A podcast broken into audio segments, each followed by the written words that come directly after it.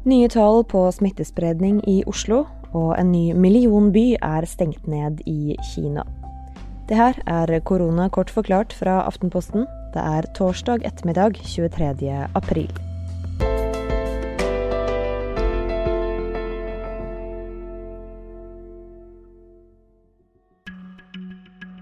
Kommuneoverlegen i Bærum innrømmer at de mistet kontroll og oversikt over et utbrudd på et sykehjem.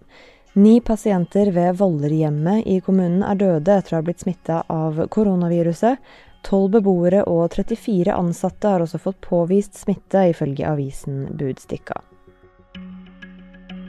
Det norske folkehelseinstituttet tror at en vaksine mot korona tidligst kommer høsten neste år.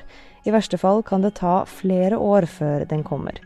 De regner med at man blir immun mot koronaviruset, men sier det er usikkert hvor sterk den immuniteten er, og hvor lenge den varer.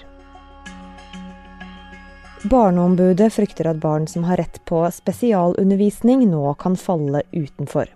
Mandag åpner skolene for første til fjerde trinn, men eldre elever må fremdeles være hjemme. Og 36 000 elever på femte til 10. trinn har vedtak om spesialundervisning. Den kinesiske storbyen Harbin er stengt ned etter at en student skal ha smittet mer enn 70 personer med koronaviruset. Studenten kom tilbake til Kina fra studier i New York, og hun satt i karantene i 14 dager. Så testet hun negativt og hadde ingen symptomer, men skal likevel ha spredt viruset.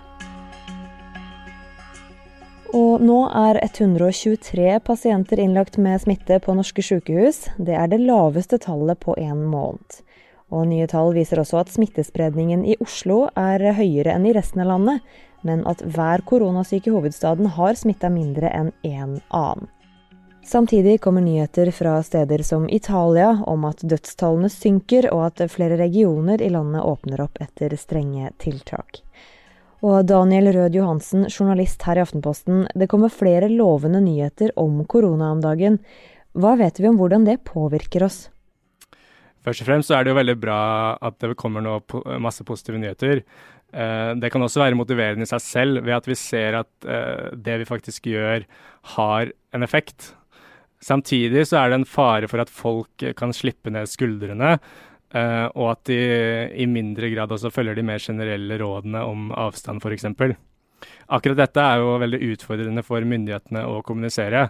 På den ene siden så går det veldig bra, og eh, tiltak mykes opp. Samtidig eh, så er det viktig å fortsette å stå i det og følge rådene. Nå snakket jeg med en tidligere professor i psykologi som heter Fanny Duckert. hun mener at grupper kan reagere annerledes Eh, de som har vært veldig lojale frem til nå, vil eh, trolig fortsette å være det. Men det er kanskje spesielt to grupper som eh, kan miste motivasjonen litt raskere. Det kan være unge, friske personer som kanskje ikke føler at det angår dem like mye. Eller det kan være personer som opplever at de har betalt en veldig høy pris, en urimelig høy pris. F.eks.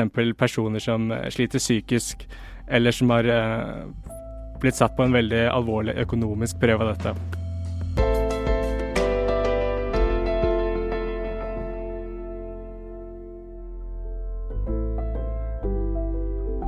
Det her var korona kort forklart fra Aftenposten. Vi legger ut en ny episode de ettermiddagene det er noe nytt å fortelle.